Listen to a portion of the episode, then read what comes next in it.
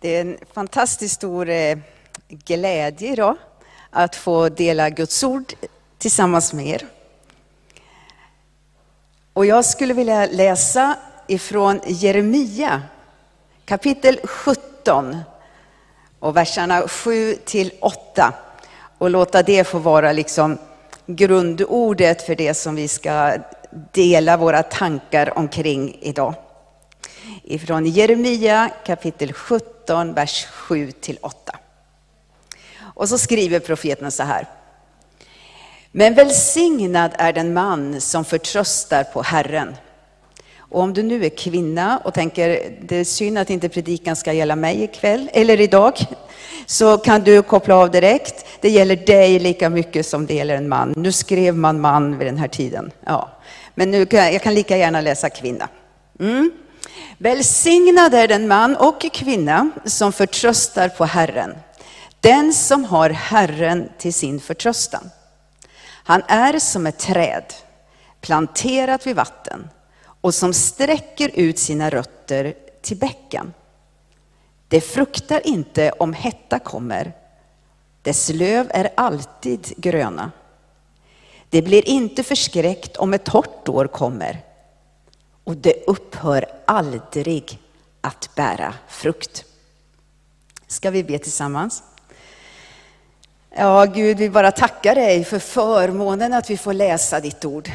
Att vi får ta det till oss. Och nu ber vi om att din helige Ande ska leda oss och våra tankar när vi, när vi tittar på det här ordet tillsammans. Och Herre, jag ber om att din heliga Ande både ska öppna våra hjärtan och också ska ge oss ljus och vishet. Jag ber att du ska tala till oss Gud, att du ska få säga det du vill. Och då ber jag Gud om att du ska använda mig idag. Jag ber om Herre att jag ska få vara öppen för dig, att jag ska få säga det Gud som du vill ha sagt idag. Ja, Herre, vi tackar dig för den här nåden som det är att vi på det här sättet också får mötas och mötas kring ditt ord i Jesu namn. Amen. Jag tycker att träd är väldigt fascinerande. Det är vackert. Jag vet inte om du också njuter av att titta på träd när du är ute i naturen. Här i Sverige så, så upplever vi ju hur, hur träden skiftar eh, under årets lopp. Det är grönt och sprudlande under sommaren. Det tappar sina löv under hösten och det, det är alldeles kalt under vintern för att komma återigen när våren kommer. I andra länder är det ju naturligtvis inte på det sättet, där är de gröna hela tiden. Men hur som helst så är det ju så att det är stammen som vi tittar på allra mest, eller kronan. En träd består ju av en stam och en krona. Det vi inte brukar titta lika mycket på, det är ju rötterna. För de syns ju inte. Men ändå skulle vi väl kunna säga att det är rötterna som är så oerhört viktiga för att ett träd överhuvudtaget ska kunna leva. Ja, för att ett träd ska kunna stå upp så är det ju faktiskt roten som behövs. Men ändå är det ju inte det som vi, vi pratar om så ofta. Kanske inte säger fantastiskt vilka vackra rötter det är på det där trädet. Nej, men vi säger vilken stam som björkarna har. Så vackert vita de står där. Eller vilken otrolig krona det är på det där trädet. Eller tänk, nu kommer de där färgerna fram. Som sagt var det inte så ofta som rötterna syns. Det finns en del träd som har, som har väldigt grunda rötter och då kan man ju faktiskt se dem uppe på backen ibland och det kan ju vara lite fascinerande. Men, men nu så är det ju ofta så att roten, den ligger där nere i mörkret, i myllan. Men den liksom bär hela trädet. Om du inte hade en rot där så, så sagt var så skulle ju trädet faktiskt eh, falla omkull. Det skulle inte kunna stå. Fanns inte roten där som, som liksom do, drog upp näringen så, så skulle ju inte heller trädet varken växa eller ens överleva. Det skulle helt enkelt bli en katastrof för trädet. Man kanske inte skulle märka det direkt om inte trädet fick sin näring. Men efter en tid skulle du märka det väldigt tydligt. Bibeln använder ju olika bilder för att beskriva oss människor. Den är jätterik på, på bilder. Den, den talar om människorna som får, pratar om oss som eh, hus. Det fanns eh, mynt som beskrev människor en gång. Men här så använder profeten bilden utav ett träd. Och då förstår du ju att det inte är någon biologilektion som vi har tänkt att vi ska ha nu då. Och jag är ingen expert på, på biologi, så jag skulle aldrig våga mig och ge mig på detta. Jag bara tillhör de här som njuter av det jag ser. Nej, det är inte det det handlar om, utan det som bibelberättelsen vill, eller det som Bibeln vill säga, det handlar om ditt och mitt liv.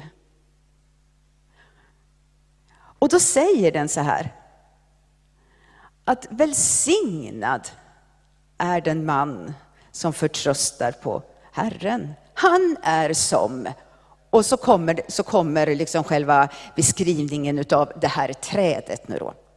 Så det Bibeln vill berätta för oss, det är hur vi kan få stå stadigt och hur vi kan få vara fulla utav liv. Oavsett omständigheterna runt omkring oss. Det pratar den inte om. Den talar i sådana fall kanske om omständigheter som inte är så positiva. Om det är torrt och hetta och det inte kommer något vatten, ni vet. Men oavsett det så kan man få växa, ja till och med bära frukt. Och vad är det för någonting då som gör att våra liv kan få ha den växtkraften? Jo, han säger, välsignad är den man som förtröstar på Herren. Bibeln den är full också av uppmaningar till oss att få förtrösta på Herren. Gång på gång kommer det här tillbaka. Och ibland tänker man, varför står det så ofta om det? Ja, men det är väl för att du och jag behöver det. Det är väl för att vi människor har lite svårt Ja, kanske inte lite svårt. Vi kanske har mycket svårt att släppa kontrollen till någon och förtrösta och ha tillit till någon. Och därför så kommer det så ofta, så ofta säger Gud på det här sättet, genom sitt ord. Du ska bara få några exempel. I Ordspråksboken 3, i verserna 5 till 6, så säger, så säger faktiskt eh, Salomo som har skrivit det här, eller den som har skrivit just det här ordspråket. Förtrösta på Herren av hela ditt hjärta och förlita dig inte på ditt förstånd. Räkna med honom på alla dina vägar, så ska han göra dina stigar jämna. Och Jesus tar upp det här igen. Han säger det i Johannes, det 14 kapitlet, den första versen. Tro på Gud och tro på mig. Låt inte era hjärtan oroas. I, I breven som Paulus har skrivit så kan du läsa i Filipperbrevet, kanske också för dig som brukar läsa Bibeln, kanske ett känt bibelord, där det står gör er inga bekymmer för något, utan låt Gud i allting få veta era önskningar. Då ska Guds frid, som övergår allt förstånd, bevara era hjärtan och era tankar i Kristus Jesus. Så gång på gång kommer den här uppmaningen, förtrösta på Herren. För då är du en människa som kan få växa. Så då kan ditt liv få bära frukt. Det gör att vi också kan få känna att vårt liv liksom får ett, ett starkare rotsystem helt enkelt. Hur gör jag det då? Hur förtröstar jag på Herren? Ja, ska man förtrösta på någon, ska man lita på någon, då behöver man ju känna den personen. Om jag möter en vilt främmande människa ute på stan så är det inte så säkert att jag känner att jag förtröstar på den. Så att jag skulle lämna ifrån mig mitt kontokort och säga kan du ta det här och gå och hämta lite pengar åt mig? Eller? Nej, jag behöver ju känna den här personen. Men har jag mött en person, levt tillsammans med en person, eh, mött den många gånger och sett hur den är, ja men då, då, då känner jag ju hur min förtröstan växer, min tillit växer till den här personen. Du behöver lära känna Gud för att du ska kunna förtrösta på honom. Och det är så fantastiskt. Det är så stort, precis som vi hörde i inledningen här. Det är så stort vi kan få vara Guds barn. Du kan få vara Guds barn. Han kan få vara din far. Du kan få lära känna honom på ett personligt sätt. Bibeln säger att Gud har skapat oss, att han älskar oss och att han gav oss sin son. För att var och en som tror på honom inte ska gå under utan ha evigt liv. Det är liksom grunden. Du kan få lära känna Gud. Och har du inte lärt känna honom på det här sättet, så skulle jag bara vilja säga till dig, han finns där. Så nära dig. Och han bara väntar på att du ska säga ja till honom. Och så kan du få lära känna honom och på det sättet börja din vandring tillsammans med Gud och i förtröstan på honom. Men jag tror också att vi behöver få växa i vår närhet till Gud. För att vår förtröstan på honom också ska växa. När Paulus ber för en församling i, i Efesus, då ber han att de ska bli rotade och grundade i kärleken. Det betyder alltså att jag ska få, bli, få mina rötter ännu stadigare, ännu fastare, liksom, i den där myllan av kärlek som är Guds kärlek. Och då händer det någonting med mig. Rotad och grundad i kärleken. Vi behöver påminna oss om vilka vi är i Jesus Kristus. Ibland är det så lätt, vet du, att vi, att vi tittar på andra saker som vill bestämma vilka vi är. Vi, vi, liksom, vi, vi tänker att vi, så här är vi nog. För det säger de, eller det säger det där. Och så tappar vi liksom bort vår identitet. Men vi behöver få, få säga till oss själva att vi är Guds barn. Bibeln säger att åt alla de som tog emot honom gav han rätten att kallas Guds barn. Du är Guds barn och det är din första och största identitet. Jag brukar säga det till de som jag pratar med som ska bli döpta. Att vi har ju så många olika saker som, som liksom sätter identitet på oss. Jag är född i Linköping. Ja, men jag kommer, eh, jag, jag, jag kanske beskriver mig med det jag arbetar med. Jag arbetar i en kyrka. Fast egentligen brukar jag säga till dem, egentligen borde jag ju säga hej, jag heter Annika och jag är ett Guds barn. För det är min första identitet. Och på den kan jag grunda allt det där andra. Men det är inte det viktigaste. Det är inte det viktigaste vart jag är född. Det är inte det viktigaste ens vart, vem mina föräldrar är, fast jag älskar dem så mycket. Det är inte det viktigaste vad jag arbetar med. Det viktigaste är att jag är Guds barn. Och det behöver du och jag grunda våra liv i. Där behöver vi känna hur våra rötter liksom får växa i detta.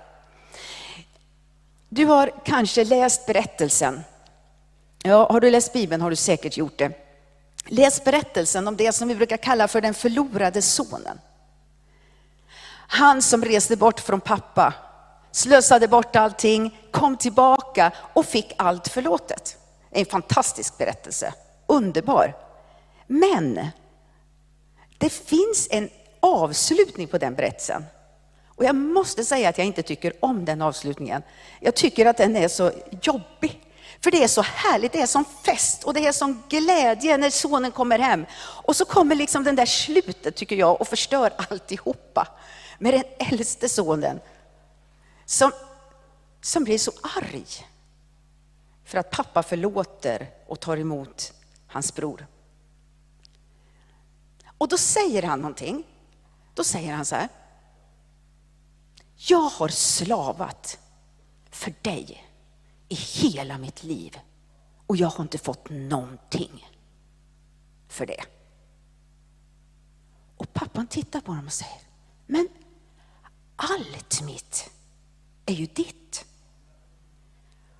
Och så brukar jag tänka, stackars denna son, som han hade missuppfattat sin ställning som son.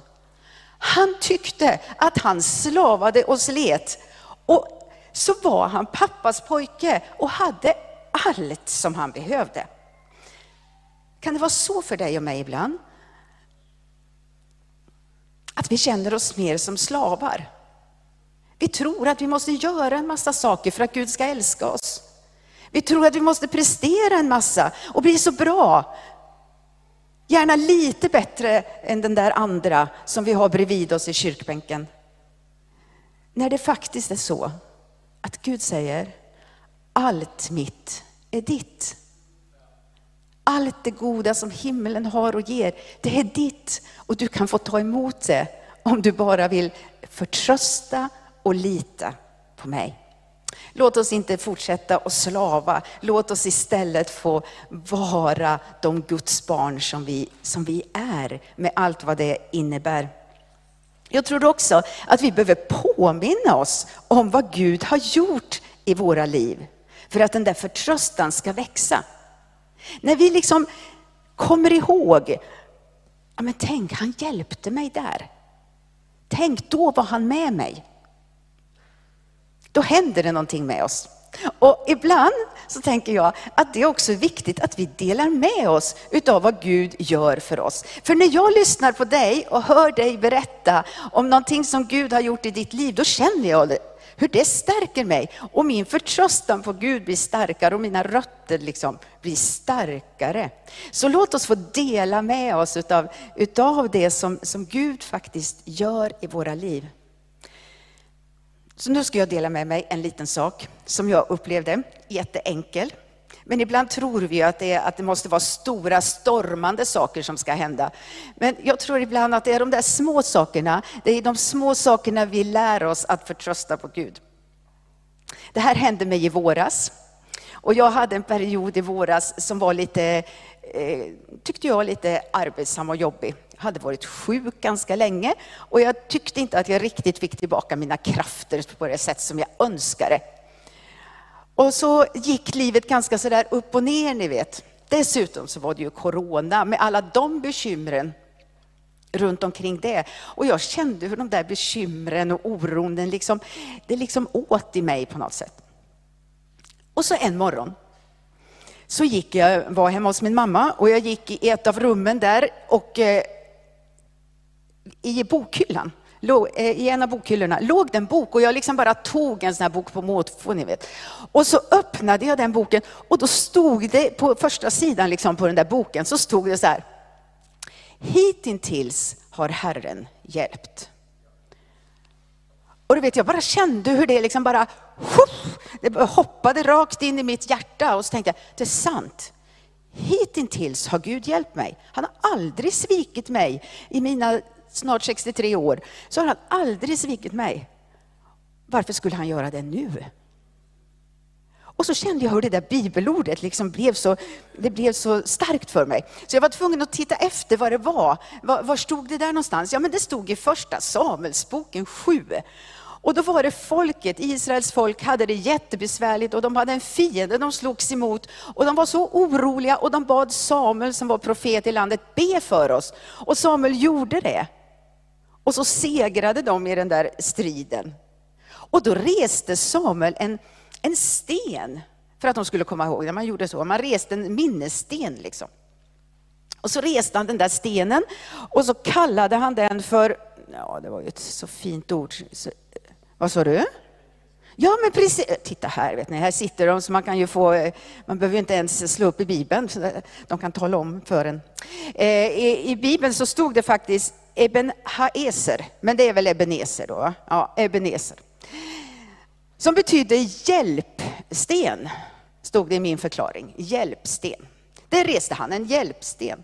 Och då tänkte jag, ja men vi kanske behöver resa lite hjälpstenar omkring oss, sätta upp dem. Eh, tycker du om stenar så kan du ju skriva på stenen, annars kan du väl ta en lapp, skriv på lappen.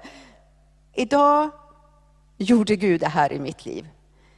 Eller ta en bok och skriv i, ha en anteckningsbok, skriv upp vad Gud gör i ditt liv. Och när du tycker att du hamnar i de där torra perioderna, när det är hetta, när det inte regnar i ditt liv, något regn som ska få dig att växa, då kan du ta fram boken. Och så kan du påminna dig om vad Gud vill göra. Därför att han, hittills har han hjälpt. David, han gjorde så, kung David alltså i Bibeln, han gjorde så, han sa till sin egen själ, lova Herren min själ och glöm inte vad han har gjort. Ibland behöver vi nog säga det till oss själva också. Annika, det är dags att lova Herren.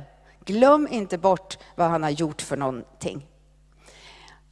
Din förtröstan växer när du får, när du får eh, på det här sättet påminna dig om vad Gud vill göra i ditt liv.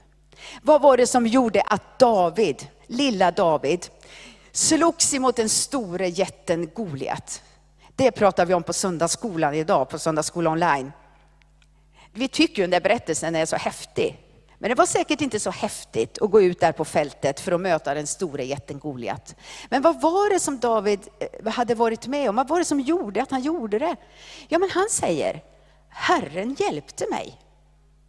Mot lejon, mot varg, björn, björn var det. Mot lejon och björn hjälpte han mig. Han kommer också att hjälpa mig. Med det här i sitt, i sitt huvud så visste han att den Gud som var hans Gud kunde han lita på. Förtrösta på Herren. Låt dina rötter gå djupt ner till den där källan där du kan få kraften för att växa. När du förtröstar på Herren så är du välsignad, säger Bibeln. Det finns en sak till som jag gärna skulle vilja dela med dig, som jag också tror är så viktigt för att våra rötter ska växa. För att vi ska stå stadigt och för att vi ska kunna bära frukt. Och det är att få leva i Guds ord. Om vi läser i den första salmen i Bibeln, psalm 1, så, så pratar den, talar den om precis samma sak som det vi alldeles nyss läste. Psalm 1 och den första och andra versen säger, salig är den som inte följer de ogudaktigas råd och inte går på syndares väg eller sitter bland bespottare. Syndare står det här i den här översättningen som du ser. Han har sin glädje i Herrens undervisning och begrundar hans ord dag och natt. De är istället glada över att kunna göra det Gud vill. Och dag och natt tänker de på hans lag och funderar över hur de bättre ska kunna följa den. Det var väl också en bra översättning. Dag och natt tänker de på hans lag. Och då kan vi ju fråga oss. Jag kan fråga mig och du kan fråga dig. Hur mycket styr den här boken våra liv?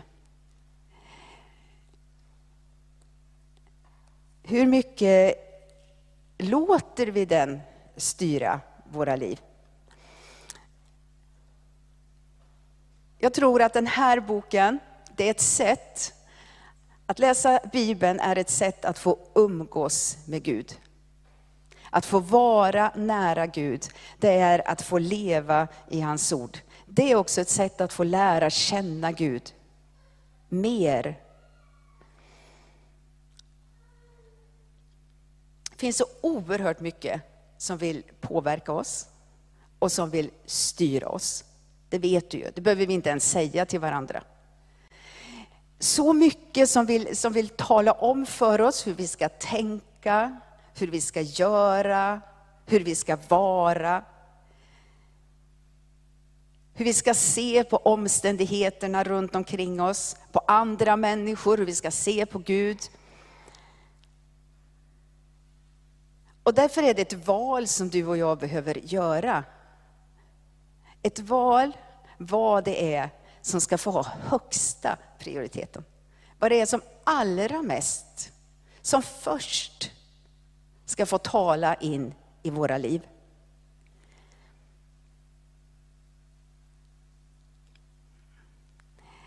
Och så frågar jag mig själv också då. Är det den här boken? Eller är det den här? Som har den högsta prioriteten? Är det, vilken av dem där är det som jag ägnar mest tid åt?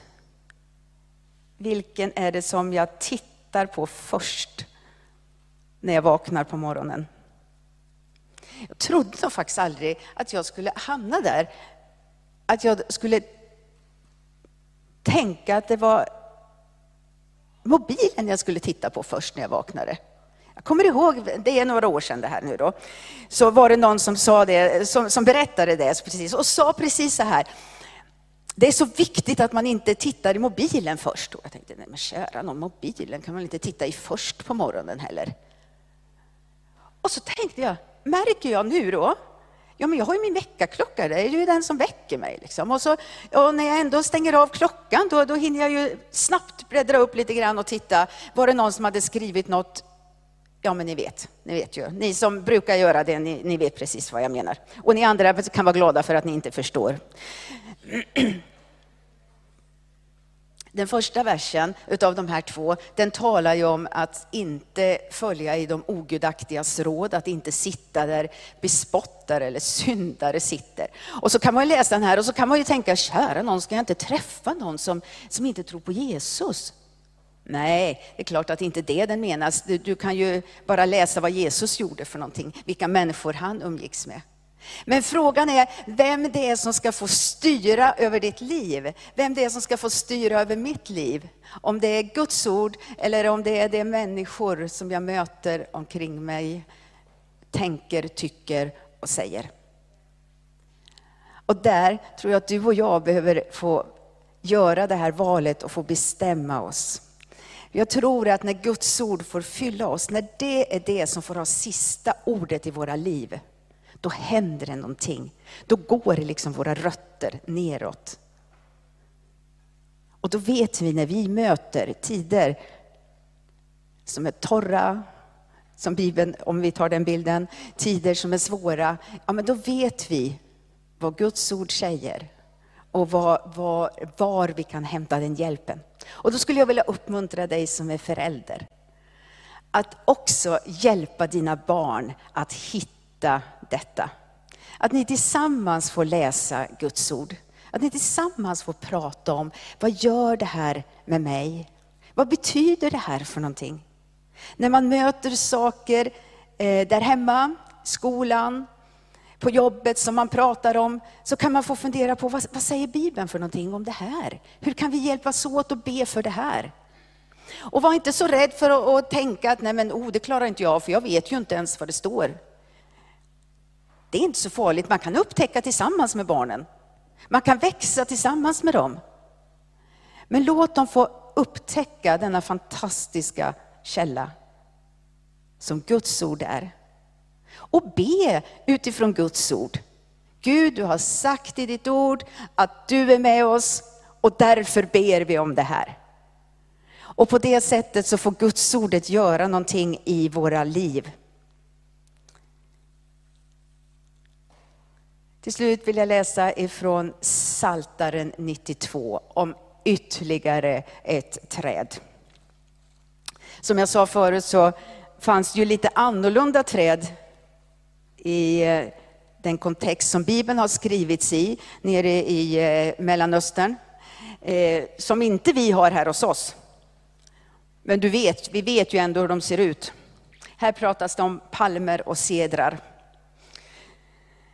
De rättfärdiga grönska, nu läser jag, förlåt, jag läser här där vi alla kan läsa istället. Vi har lite olika översättningar, nu läser vi den här.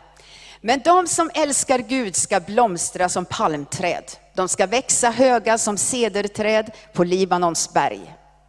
De är som träd som planterats i Herrens egen trädgård och som växer och trivs där. Till och med när de blir gamla ska de bära frukt och vara gröna och friska. Kanske har med, med åldern att göra, att jag tycker så mycket om den här versen. Eh, där det inte handlar om att det behöver bli sämre och sämre, utan där det upphör aldrig att bära frukt. Vi kan verkligen få leva det livet tillsammans med Gud, när vi har våra rötter i honom. När vi inte behöver tänka så här, åh, nu är jag för gammal. Eller, åh, nu är jag för ung. Det kan man ju också tänka så. Eller man kan tänka, nu orkar jag inte. Jag orkar inte som jag gjorde förut, på det sätt som jag kunde förut.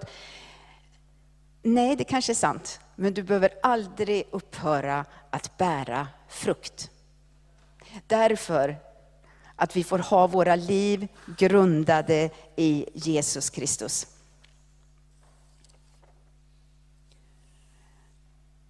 Händer det någon gång att du får lite prestationsångest i din kristna tro? Att du känner att du borde prestera? Jag hoppas att du inte har fått det nu när jag har talat idag. Men det kan ju vara så ibland.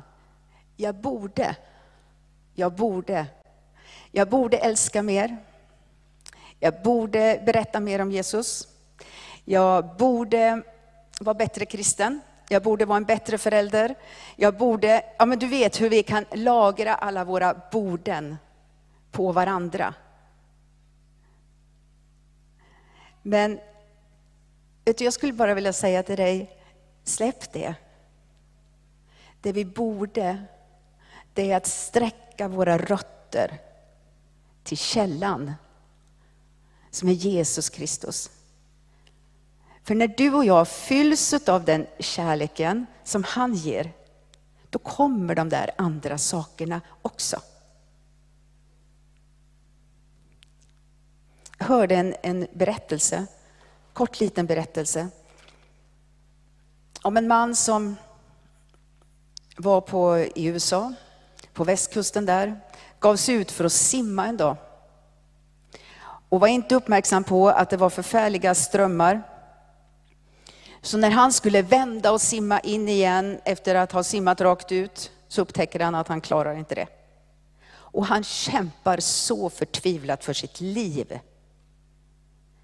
För att han ska ta sig in. Och ju svårare det blir, ju mer sliter han.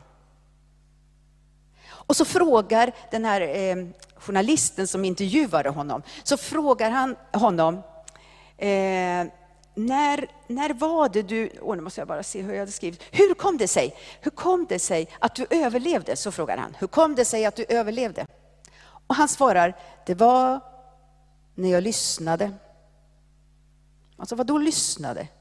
Jo, det fanns någon på stranden som hade sett min eh, situation som hade kallat på hjälp. Och där inne fanns en man som stod med en megafon och som ropade, försök att slappna av, hjälpen är på väg. Och när jag hörde det, då kom räddningen. Och vet, jag tror att det är det du och jag behöver. Inte kämpa mer, inte slita mer, inte försöka mer, men vi behöver lyssna mer på Gud. Vi behöver få höra vad han vill säga. Vi behöver få vara närmare Gud. Och när du och jag får komma närmare Gud, när vi får fyllas med hans ord, när vi får öppna våra hjärtan för den heliga Ande och låta hans kraft få strömma genom oss. Ja, men då är det som att vi liksom sträcker våra rötter ner emot den där källan. Och då har det ingen betydelse vad omständigheterna är. För då kan vi ändå få bära frukt. Då kan vi ändå få vara med och hjälpa andra. Och Jesus sammanfattade det här. Han sa, älska Gud av hela ditt hjärta, av hela din själ, av hela din kraft, av hela ditt förstånd och din nästa så som dig själv. Det är det det handlar om. Vi får förtrösta på Herren. Vi får leva i hans ord. Vi får öppna upp för den helige Ande och så får vi vara med och bära frukt.